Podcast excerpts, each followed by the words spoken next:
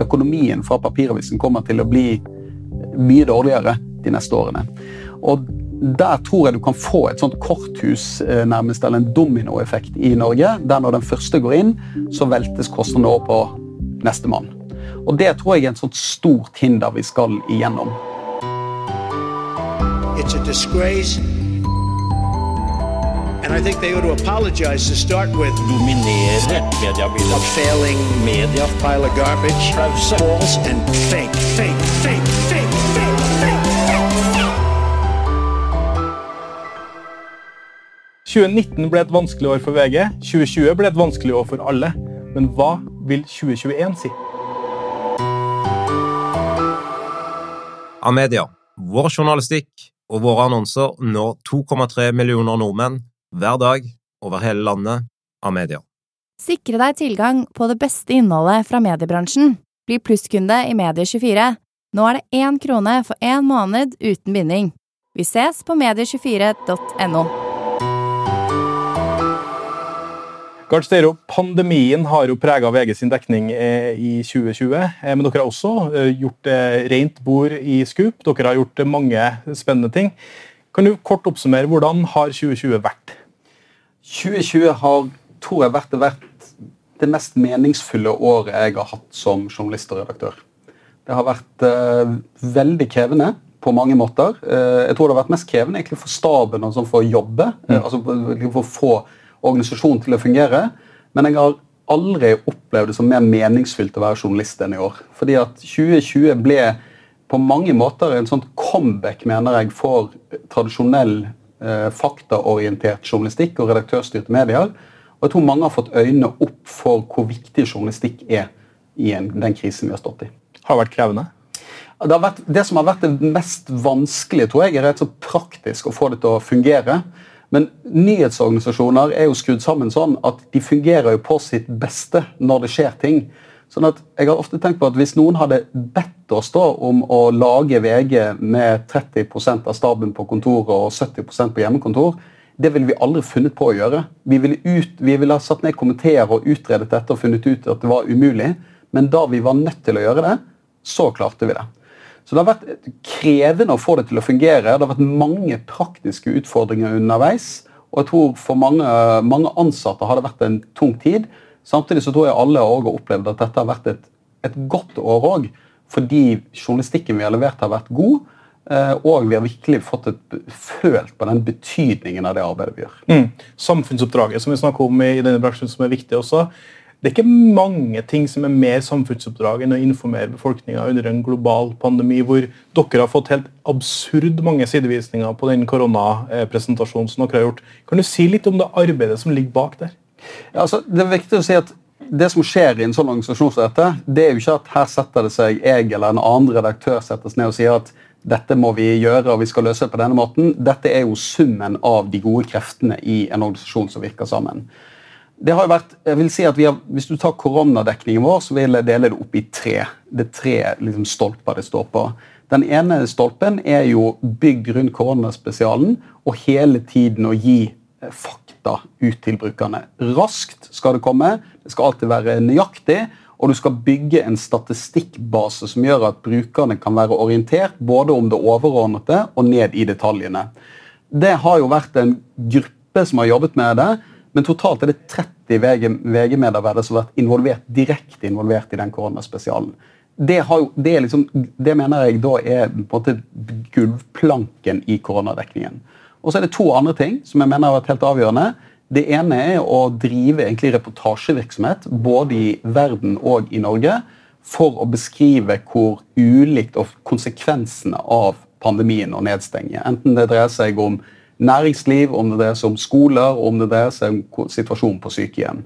Det har vært den andre stolpen. Og den tredje stolpen er det som du egentlig begynner å se starten på nå det er den undersøkende journalistikken rundt konsekvensene av nedstenging av Norge. Mm. Og Vi har jo vært særlig opptatt av de, noen svake grupper, eller noen utsatte grupper.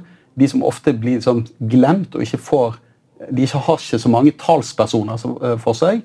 Hvordan har nedstenging, hvilke konsekvenser har nedstenging og restriksjoner fått for de gruppene. Mm. Og jeg tror veldig mange har vært imponert over jobben dere har gjort også. Eh, dere valgte jo på et tidlig tidspunkt å ikke ta offisielle tall for god fisk, men å heller ringe rundt til kommunene og den type ting for å få egne tall. Eh, det må ha vært ressurskrevende? Ja, det var ressurskrevende, men det var òg nødvendig. Eh, det vi så i starten, var jo at de offisielle tallene vi fikk, var, de var ikke gode nok. Altså, de var de var, de var på et, nivå, et aggregert nivå som ikke ga nok informasjon til brukerne. Det kom litt seint, og vi var, stolte ikke helt på de tallene vi fikk. Altså, vi syntes det var for mye forsinkelse i det. Og Da ga det jo et uriktig bilde av situasjonen i Norge. Så Derfor var vi opptatt av å, å liksom få kontroll på tallene sjøl og lage vår egen database. Så det var jo ressurskrevende på mange måter, men først og fremst det som tok tid, var jo å bygge systemene for å hente inn disse tallene. Og når det først var gjort, så syns jeg det sklei ganske godt. Men vi satte jo opp egne tallturnuser i VG som var 24-7, der vi jobbet altså Journalister ble tatt ut av andre oppgaver, og så jobbet de utelukkende da, døgnet rundt med å eh, kvalitetssikre koronaspesialen. Veldig Mange redaksjoner har jo slitasje nå. Jeg tror Mange gleder seg også til juleferie at de ønsker å ha litt mer ro og, og, den type ting. Hvilke konsekvenser har det fått for dere internt i, i VG å jobbe såpass lenge eh, under, med pandemien? På den positive siden, da, vi begynner der, så tror jeg på mange måter at liksom, samholdet i redaksjonen det var noe godt før, men jeg tror det er styrket ut av dette. Og så har vi lært oss nye måter å jobbe på. Vi har jo sett at det fungerer og vi får det til, selv om det er mer vi jobber mer desentralisert. og vi, Jeg tror nok arbeidsliv VG også kommer til å være mer fleksibel arbeidsplass i framtiden. Så jeg mener vi har lært mye, og vi er nok blitt mye mer digitale og jobbet med ny systematikk i måten vi samarbeider på, som jeg tror vi tar med oss videre. Men så tror jeg at hvis du spør noen VG-ansatte, eller det vet jeg jo, for jeg har jo spurt de gjentatte ganger gjennom arbeidsmiljøundersøkelser, så er, det, så er det ganske delt. Jeg oppfatter at 25% av staben oppfatter kanskje at de har det bedre nå enn tidligere. Altså at de, har, de slipper en del av tidspresset som livet byr på. Er, og de, får, de, jobber veldig godt fra hjemmekontor. Og så har du 50% som tilhører den gruppen jeg tilhører, som er veldig lei. Mm. altså Utrolig lei. Savner kollegene mine. Er lei av hjemmekontoret. Men jeg syns det går rundt. Og så har du 25% som syns dette er veldig tungt. Og, de fem, og det, er, det, er, en sammensatt gruppe, eh, det òg, men det er, det er folk som, opplever, som, er ensomme. Det er folk som får fysiske plager for dette, og kan få psykiske plager av restriksjonene. Så jeg tror det er, det er splittet, men jeg tror at da vi gikk inn i dette, i fall tenkte jeg at dette varer til påske. Det var det første jeg tenkte. Og så tenkte jeg etter sommeren til høsten er vi tilbake på en mer normal situasjon. Og det jeg tror sliter på mange, er at de mister kontakt med folk, og så tar det så lang tid. Man vet ikke når dette er over. Mm. Og Den usikkerheten den tror jeg er tung for mange. Hvis vi tenker litt på, Nå har vi snakka om folkene, men la oss snakke litt om pengene også. Eh, hvordan har dere blitt påvirka? Du er også administrerende direktør i VG. Hvordan har dere blitt påvirka på topplinja eh, av korona? Den, vi så jo et voldsomt fall i, eh, i eh, spesielt andre kvartal altså mars, april og inn mot sommeren, så var det, og det var jo først og fremst annonseinntektene som sviktet. Eh, VG, som også har en løssalgsøkonomi, vi merket jo det med en gang. At folk var ikke i butikk på samme måte. Det er klart at Vi selger aviser på Gardermoen og på rutebilstasjoner over hele landet. Der ser du at det er færre som kjøper avis. Eh, men, eh, men, samtidig har VG pluss gått veldig bra. Mm. Så det var litt sammensatt. Nå utover høsten så syns jeg det ser lysere ut. Det går, det går bedre synes jeg, også på annonseøkonomien. Så det blir ikke et, et rekordår for VG på dette. Men, eh, men, jeg tror ikke det blir, helt, det blir ikke like stor krise som er fryktet i um, april. Og så må Jeg si, jeg er veldig glad for at vi har hatt eiere da, oppi dette som har holdt hodet kaldt. Altså Det synes jeg Skipsted har gjort. Vi har ikke gått til permitteringer. Vi har uh, klart å liksom, fortsette investere i de satsingene vi har knyttet til E24 og til podkast og VGTV. Vi har liksom opprettholdt trykket på satsingene og tenkt så at krise, denne krisen den er forbigående. Og ja, Nå handler det på en måte om å investere gjennom den krisen, sånn at man er godt rustet på andre siden. Det dukker opp muligheter også i tider som dette. Vi er jo vant til å se at uh, du går med trillebårer stappfulle av penger over til Skipsted. Nå er jo ikke jo samme bygd, så du tar kanskje heisen opp uh, istedenfor. Så det blir bare litt mindre overskudd i, i 2020 enn hva det var før. Ja, altså kommer til, Vi kommer til å gå med godt overskudd i år òg, eh, men det er klart at ikke, altså når du ser på utvikling, økonomisk utvikling til VG og til alle mediehus, så handler jo ikke den bare om eh, pandemien. Det handler jo òg om de strukturelle endringene vi ser i. Altså, vi, vi står i har stått i lenge. Det er klart at Inntektene fra papiravisen de fortsetter å falle. Eh, og annonsemarkedet er i ganske stor endring. sånn at når du skal prøve å analysere tallene til VG i år, så tror jeg det er noe, eh, noe skyldes pandemien, noe skyldes strukturelle endringer. Og så tror jeg også at, um, og så vil det òg være en del av de investeringene som vil på. Vi gjør òg investeringer i år, og det er jeg veldig glad for. At vi fortsetter å gjøre investeringer for fremtiden. Du har en eier som har brukt 90 milliarder i USA, så det er jo åpenbart penger i banken. for å si det sånn. Men hvis du ser på, La oss ta papiraviser da, som et eksempel, altså, som har vært den drivende delen av økonomien og årsaken til at man har klart å få bygga den posisjonen også digitalt. Eh, veldig mange slet jo med ikke noe distribuere den. altså at Folk var ikke i butikken, eldre folk tør ikke å gå ut. Eh, er det nå vi kan for alvor begynne å snakke om papirets død også i VG sin del? Nei, det er det ikke. Det vi så, var at du fikk, en, eh, du fikk et fall i mars-april, eh, da, da, folk ikke var i butikk, rett og slett. Og så ser du nå på banen nå utover høsten, så følger den egentlig vanlig bane. Så den fikk, gikk litt ned, og så har den fulgt omtrent normal bane. Så dette er ikke slutten for papiravisen, det vi ser nå. Papiravisen kan leve i mange år øh, framover, tror jeg. Gitt at vi klarer å utvikle den, og gitt at du klarer å få et distribusjonsnett i Norge som fungerer. Men vil, vil, du kunne gjøre noe med frekvens på et tidspunkt, eller er den fortsatt så lønnsom at du trenger ikke å tenke på det? Ja, vi kan gjøre noe med frekvens etter hvert, men vi har ikke planer om det nå. Altså det er klart at Den dagen i Norge som er mest utsatt, er jo søndagen. Der det bare når vi og Aftenposten gir ut avis på søndager. Så den er jo, Men den er fortsatt lønnsom. Det er fortsatt mange som kjøper avis på søndag. Men det er klart, jeg tror det som blir hovedutfordringen for papiravisen fremover, blir jo distribusjon. Altså Klarer man å opprettholde et distribusjonsnett for norske aviser ut til folk? Nå har vi jo sett at eh, Kristin Skogelund også skal distribuere litt bleier med, med de type tingene der også, få bygga mer inn på de rutene. her. Har du trua på den modellen? Ja, Den har jeg tro på. Eh, det tror jeg, altså det tror jeg bare, og det er jo Om Skipsted ikke gjør det, så er det andre som vil gjøre det. Fordi at det er klart at Du ser jo e-handel eksploderer, øh, eksploderer, og det kommer ikke til å bli mindre. altså Det har jo vært en enorm økning i år, og den trenden kommer til å fortsette. Og folk kommer til å få distribuert mye mer varer og tjenester hjem til seg enn tidligere.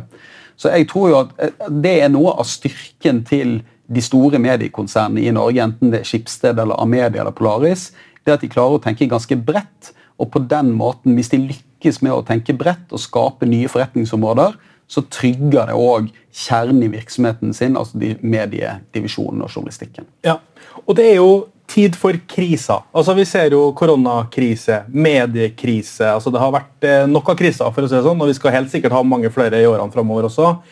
Men vi glemmer litt at vi står i en mediekrise. Og du har jo sagt at mediekrisen er jo på langt nær ferdig. i det hele tatt. Eh, hva sier du i dag? Nei, den er ikke ferdig. Altså, Spørsmålet om den noen gang blir ferdig. Men det, jeg tror dette, det er jo noen sånne eh, dørstokker vi skal over. Eller kanskje ikke dørstokker engang, det er kanskje høye hindre vi skal over. Og Et av de hindrene er jo, eh, er jo papiravisen. altså Når den, den, kommer til å gå inn, eller iallfall økonomien fra papiravisen kommer til å bli mye dårligere de neste årene.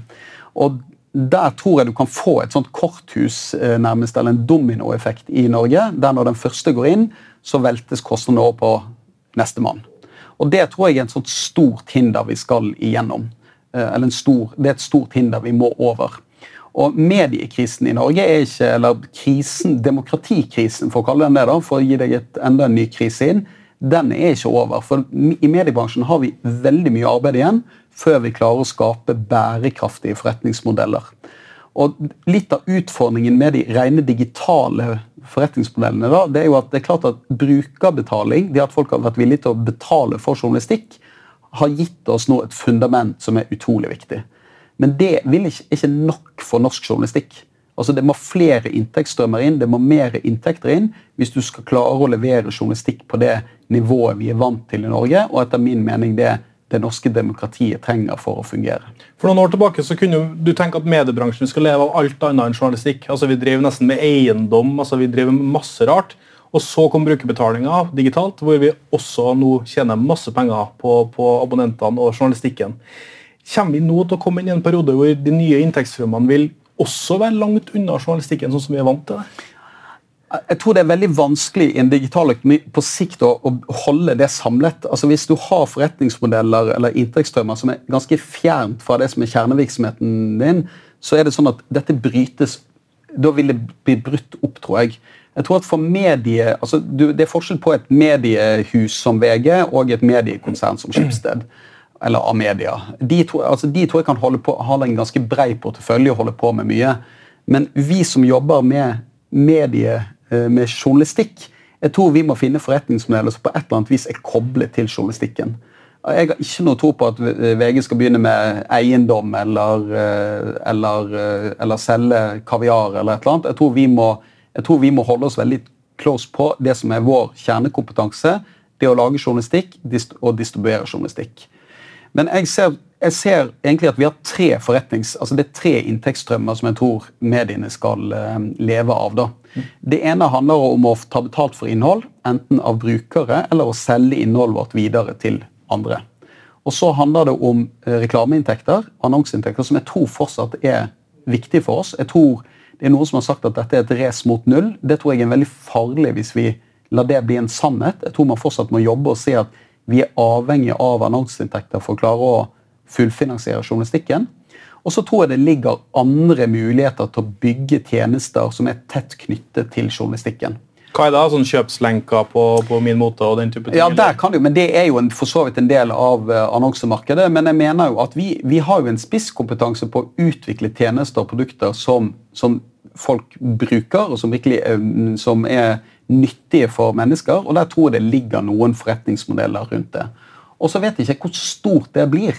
Altså om det blir en, Men jeg tror at det, den dagen vi slutter å tenke på det og jobbe med det, så finner vi heller ikke det, de nye måtene å finansiere journalistikken på. Mm. Så jeg tror på en eksperimentering og en lekenhet og en ut, altså å være litt utforskende på de områdene. For det at vi har en kontakt med altså de, de fleste, Det som er gullet til de norske avisene, er jo den kontakten de har med sitt publikum. Enten det er et nasjonalt publikum eller et lokalt publikum. Og det er klart at Klarer du å finne forstå behovene til vi som leser avisene, og utvikle tjenester for dem, så tror jeg det er mulig å kommersialisere òg på et eller annet tidspunkt. Amedia, vår journalistikk og våre annonser når 2,3 millioner nordmenn hver dag over hele landet. Amedia. Sikre deg tilgang på det beste innholdet fra mediebransjen. Bli plusskunde i Medie24. Nå er det én krone for én måned uten binding. Vi ses på medie24.no. Når mediene går inn i nye områder og skal tjene penger på det, eh, da må man også ha journalister eller medieledere eller folk som er i apparatet rundt, som også er en del av den omstillinga. Vi er jo vant til å omstille oss som bransje. Dette har vi gjort i mange år, og vi kommer til å gjøre det fortsatt i mange år. Hvilken kompetanse tror du blir viktig i årene framover for at vi skal klare å følge med på den utviklinga som nå skjer? Altså I mediehusene generelt Altså, jeg mener at Norske mediehus har gjort veldig mye interessant på kompetanse. Altså, det en, det, altså, jeg mener at Kompetanseheving og kompetanseutvikling har kommet høyere på agendaen i, i alle mediehusformer. Hvis du går tilbake noen år til, så, så var dette Vi var ganske dårlige på det. Altså, vi, vi, inn, vi, var ganske, vi, var konservative, tror jeg, mm. og vi var ganske dårlige på omstilling. Nå syns jeg det har skjedd en endring. Jeg tror aldri vi må glemme at kjernekompetansen vår er journalistikk. Altså, sånn, de som snakker om, altså jeg, begynner å bli, jeg blir sånn uggen når folk snakker om digital kompetanse og, eh, og disse nye kompetansene du trenger. Det første og fremst du trenger i en redaksjon, det er journalistisk grunnkompetanse. Og Den dagen du ikke har de beste journalistene, så tror jeg mye faller bort. Men så ser vi jo nå et behov for, vi ser jo behov for veldig mye annen kompetanse inn i nyhetsrommet som styrker dette. Det går på utviklingssiden, det går på UX, det er folk som kan lyd, det er folk som kan TV, det er dyktige forretningsutviklere. Og så tror jeg vi journalister har noe å lære av utviklingsmiljøene. de som jobber med utvikling. For det, det er en veldig stor forskjell ofte å snakke med en redaksjon og et utviklingsmiljø når du skal utvikle noe nytt.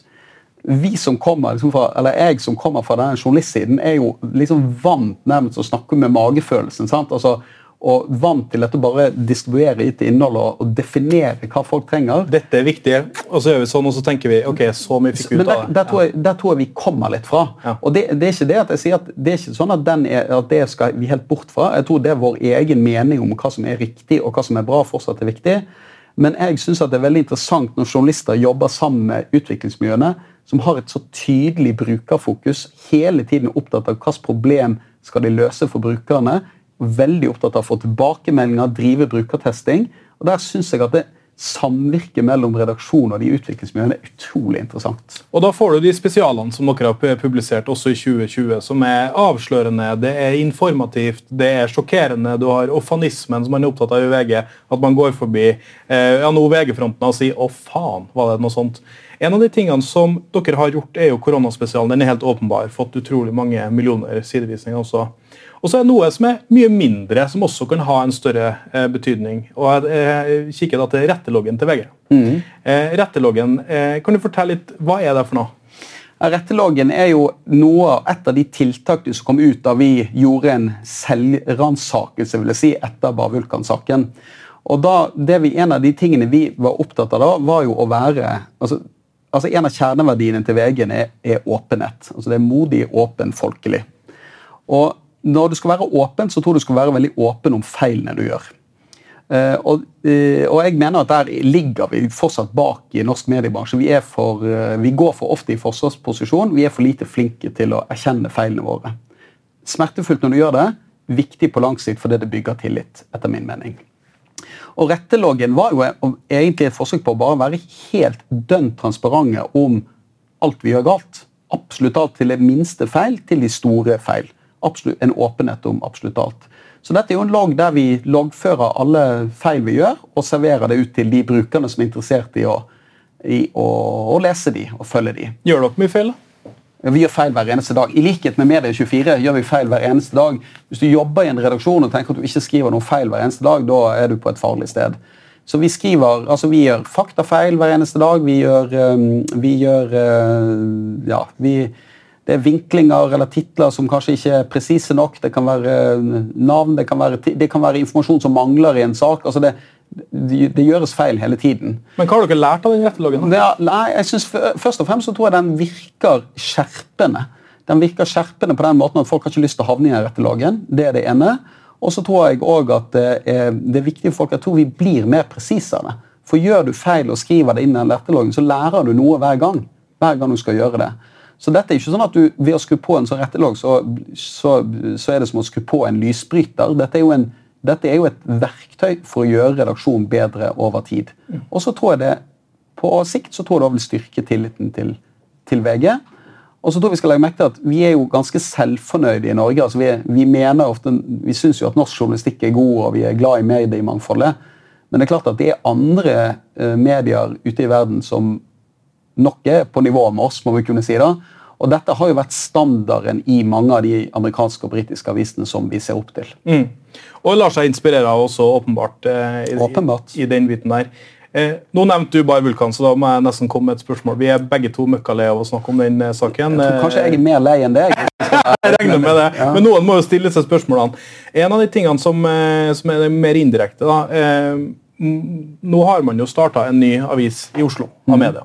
Eh, og Den politiske redaktøren heter Eirik Mosveen, mm. som forlot eh, deg. Eh, før jeg stiller neste spørsmål, Hvordan var det å miste Eirik Mosveen til Avisa Oslo? Det var en blandet opplevelse. vil jeg si. Altså, Eirik er jo en, det vi kaller en gullmann i VG. Han er en, først en utrolig dyktig journalist. Men så er han jo òg en karakter og en kollega som vi setter veldig stor pris på. Så det er klart at han, han Jeg setter veldig pris på Eirik. Jeg syns han er en strålende fyr. En veldig, veldig fin fyr og som bringer mye Som det er lett å la seg inspirere av, men som òg er en veldig sånn, god samtalepartner og interessant å prate med. og en, har noen personlighetstrekk som er veldig viktige. Så, så Sånn sett synd å miste han. På den annen side eh, veldig glad på Eirik sine vegne. Altså dette var en, Han fikk en mulighet her nå som jeg forstår at han takket ja til. Han har jobbet i VG i 25 år, eller 26 år og at han da får en mulighet til å gjøre noe annet etter 25 år i VG, det unner jeg av, av hele mitt hjerte. Prøvde du å, å hente den eh, tilbake, eller? Sånn. Nei, Jeg sa at selvfølgelig at jeg ønsket altså Jeg sa, som jeg, jeg kan ikke gå inn på alt jeg sa til ham, men jeg, men jeg kan vel si det sånn at jeg skulle ønske han ville bli. Men, eh, og, jeg, men, og jeg ville bli lei meg hvis han dro, men samtidig så ønsket jeg han alt godt, så jeg skulle stille meg først i køen av gratulanter. Dere har mista folk som Fridtjof Jacobsen, Lars Joakim Skarve, Marie Melgaard og nå Erik Mosveen. Svekker det politisk avdeling i VG? Ja, der, jeg, der er jeg enig med Eirik at Hvis du mister tre-fire veldig dyktige medarbeidere, så er det en midlertidig svekkelse av eh, en avdeling. Og så er det sånn at Folk har sluttet i VG tidligere, folk har sluttet i NRK tidligere og TV 2 tidligere. Altså, dette handler jo ikke om enkelt, altså En avis handler sjelden om enkeltpersoner. Det handler på en måte om kulturen i en avis og hva du klarer å bygge opp. Vi kommer til å erstatte Eirik og ansette nye politiske reportere. Vi har fått inn veldig gode reportere det siste året. Sånn at det, En sånn svekkelse mener jeg eh, er midlertidig. Altså jeg er ikke sånn at jeg tenker at dette var dødsstøtet for VG sin politiske journalistikk. eller noe sånt. Dette, altså dette er litt av hverdagen. da, Så var omstendighetene rundt at, uh, at noen sluttet her, spesielle. Men at folk slutter i en redaksjon, mm. det gjør folk hele tiden. Uh, og der mistet vi, Men vi har mistet andre dyktige medarbeidere også innenfor andre saksfelt de siste årene, uten at noen har uh, laget saker om det i Medie24. Dette er hverdagen. Og For VG sin del så handler det også om at det vi er, det tror jeg vi er flinke til, det er å finne talentfulle journalister. Uh, lære de opp, bygge de opp og, og gjøre de veldig gode. Mm. Eller vi, VG-huset, er flinke til det. For det, er en, det er en god redaksjon der du har mulighet til å utvikle deg og vokse. Og jeg er helt sikker på at landets beste eh, journalist er ikke født ennå. Altså, de kommer til å komme nye journalister. Etter meg og deg, Erik, så kommer det kanskje til å være noen som er på høyde med oss. ok, vi håper det. Flinke folk etter låns, hvert fall. Det er vi nå helt, uh, helt sikre på. Men i forlengelsen av det med uh, Avisa Oslo så tenkte jeg skulle høre etter meg om ting. fordi Avisa Oslo etableres jo av Amedia i, i, disse dager. Satt opp en avis på en måned, for å si det litt tabloid. Og Aftenposten tar opp konkurransen. Kjører inn 20 årsverk der og skal, skal, skal virkelig ta opp den konkurransen her. I møte med en tabloid og folkelig lokalavis i Oslo, hvorfor var det Aftenposten som tok det, og ikke VG? Det er mulig vi gjør det, men det er ikke sikkert vi snakker så høyt om det. Altså, vi, vi, skjønner den konkurransen, og vi tar tak i den. Men jeg tror for Aftenposten sin del, som har veldig mange av abonnentene sine i Oslo det, Dette handler om abonnementsøkonomien til Aftenposten, tror jeg. Sånn jeg dette vet jeg ikke, men dette gjetter jeg. Aftenposten har et veldig sånn tydelig det, Dette er deres hjemmearena. Og det er klart På abonnementssiden så tror jeg det er viktig at Aftenposten svarer. Og så er det ikke sånn at jeg tenker at nå tar Aftenposten seg av dette. Dette er en, dette er en konkurrent som alle må forholde seg til, eh, og det skal VG òg eh, gjøre. Hva betyr det? Nei, Det betyr at når du får altså, konkurranse om journalistikk i Oslo, det er kjempebra. Det er jo en stor styrke. Men VG kommer jo til å konkurrere med Avisa Oslo, akkurat som vi konkurrerer med NRK og med Aftenposten òg. Men kommer det Oslos gang? Eh, Nei, det, det, har, du, det, har, jeg veldig liten tro på. Altså, jeg tror at VG, sitt, altså VG sin oppgave det er å dekke de viktige sakene over hele landet. Om det, og du kan si at uh, Vi må være gode på de store sakene fra Bergen og vi må være gode sakene på de store sakene fra Oslo og fra Kristiansand og fra Tromsø.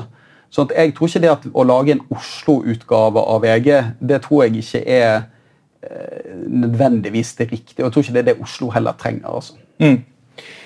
En ting som vi har snakka om, eh, er jo eh, forretningsutvikling. Og en av de tingene som jeg tenkte jeg skulle spørre deg om, er jo for at veldig mange ser jo til VG om hva dere gjør. Og En som vi har hatt her i studio, er jo konsertsjefen i Aller og, og Alexandra Baufjord også. og De jobber veldig mye med nisje for tida. Det er nisjeutvikling. Hva, hvilke tanker har VG rundt eh, nisje nå? Vi har en, nisjesatsing. Altså, det er jo ulike typer nisjer du kan gå inn i. Noen dreier seg om rene tjenester, og noe er jo journalistiske nisjer. Og Vi har jo en del nisjer som vi er fornøyde med. Sant? Vi er veldig fornøyde med tech, som vi syns går bra. Vi jobber med Min Mote. Vi har, eh, og vi har jobbet med en del andre nisjekonsepter òg, som jeg har stor tro på. Men, eh, men, jeg tror at du skal, hvis du skal lage en nisje, så må du lage en veldig eh, god. Da. Så skal du vite at du som mediehus har noen spesielle forutsetninger for å dekke akkurat den nisjen. Så det er ikke alt vi ønsker å gå inn i. altså Alle nisjeposisjoner vi tenker at det er riktig at VG går inn i. Mm. Men vi tror jo også på, vi har jo et, en underavdeling som heter VG Lab, som jobber med ulike typer tjenester òg. For alt handler ikke bare om journalistiske nisjer. for et digitalt mediehus så kan det være òg tjenester som knyttes til journalistikken, som kan være verdifulle. En del av de tingene som dere har utreda og funnet ut, og også satt inn tiltak for, er jo å nå ut til unge folk. Nå er dere i gang med en uh, ny satsing på, på, unge. Dere har jo tidligere også kjørt i gang en, uh, en uh, litt sånn Snapchat-måte og løsning på også. Kan du si litt om hva dere gjør for å få tak i den unge målgruppa? Det første vi gjør, det er å prøve å forstå hva egentlig ungdom, de unge brukerne forventer av oss. Hva skal til. Og jeg tror det av, uh, har vært noe av utfordringen uh, opp igjennom. at Jeg tror vi har hatt for lite innsikt i hva de egentlig hva de syns om oss, og hva de trenger, uh, hva de trenger og hvilke behov vi skal dekke oss til. Så det har vært synes jeg, kanskje det mest interessante med da vi definerte det for noen år siden som en sånn helt avgjørende oppgave for oss. Det var at jeg synes vi har fått mye større forståelse for unge brukere og det er ikke en ensartet gruppe. det er viktig å si. Dette er jo veldig ulike behov.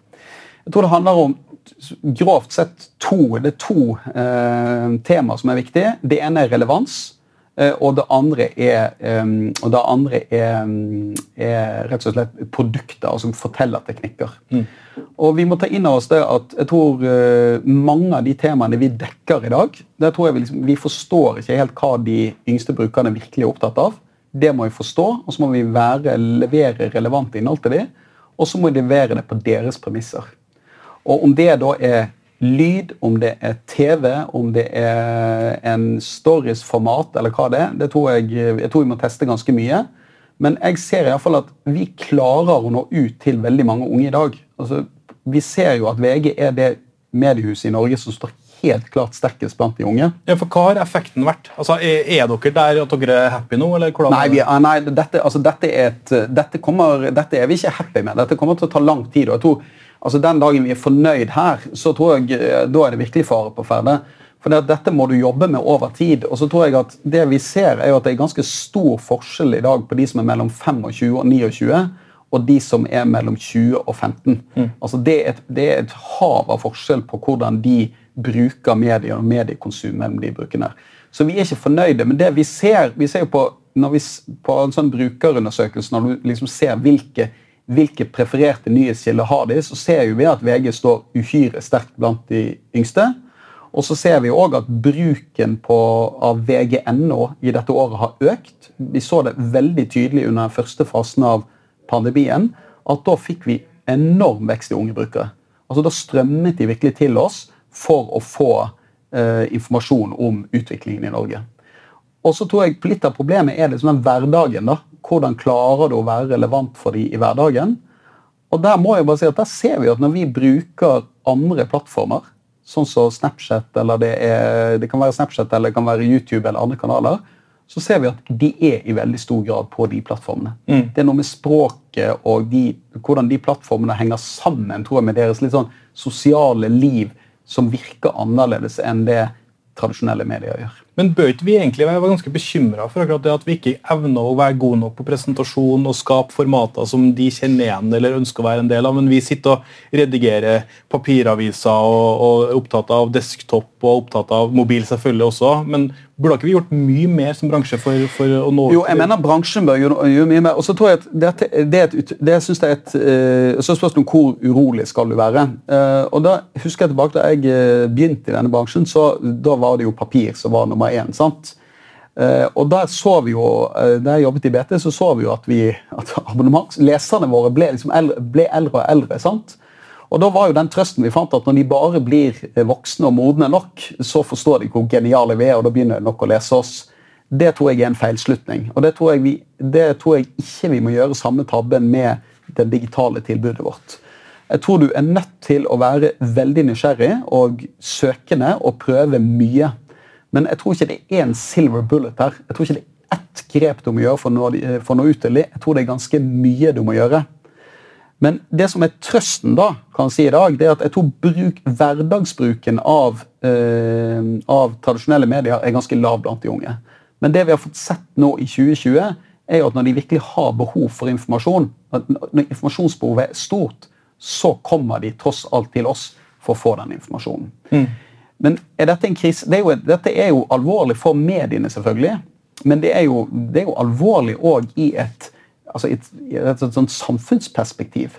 For det er klart at eh, jeg tror det er viktig, viktig, for demokratiet og viktig for landet vårt og en nasjon at du klarer å nå ut med journalistikk og fakta og ryddig informasjon eh, og troverdig informasjon til hele, altså alle deler av befolkningen. For Du kan jo lage så god journalistikk du vil, hvis ingen leser den, så er jo ikke verden uh, Nei, da, da har han iallfall veldig begrenset verdi. sant? Uh, og, eh, og der har vi en utfordring på rettet, der har vi en utfordring på unge brukere som VG ikke er alene om. Utfordringer, kriser, nedgang, pandemi, altså alle de her tingene her. Uh, kort til slutt så vil jeg spørre deg om det motsatte. Hva kan vi glede oss over i 2021 og i tida framover, tror du? Altså, jeg må si at jeg er mer optimistisk enn på lenge etter 2020. Eh, Jeg tror vi går inn i 2021 med en voldsom fart. Veldig mange medier. Det går ganske godt. Jeg syns norsk journalistikk har fått seg et løft i år på mange områder. Det er satsingsvilje eh, som det er lenge siden vi har sett, syns jeg. Som jeg gleder meg veldig. Og det er egentlig jeg tenker sånn, jeg, skal, når jeg oppsummerer VG-året 2021, og vi, vi sitter jo nå og fører det redaksjonelle regnskapet og skal dele ut gullpenner og gjøre dette Og det har jo vært et fantastisk år for journalistikken. Det har blitt levert så mye god journalistikk i Norge i år, og for VG er det listen over det ting vi er fornøyd med og stolte av, er veldig veldig lang. Vi har vekst i antall brukere, vi har vekst i antall abonnenter. altså Veldig mye peker i riktig retning. Så potensialet nå for at vi kan få virkelig få utnyttet den, den farten vi går inn ut av året med inn i nye året, det er stort. Mm. Så jeg er egentlig, til meg å være, eh, ganske optimistisk akkurat nå. Vi ønsker dere i hvert fall masse lykke til, eh, Gard Stereo, og eh, tusen takk for praten.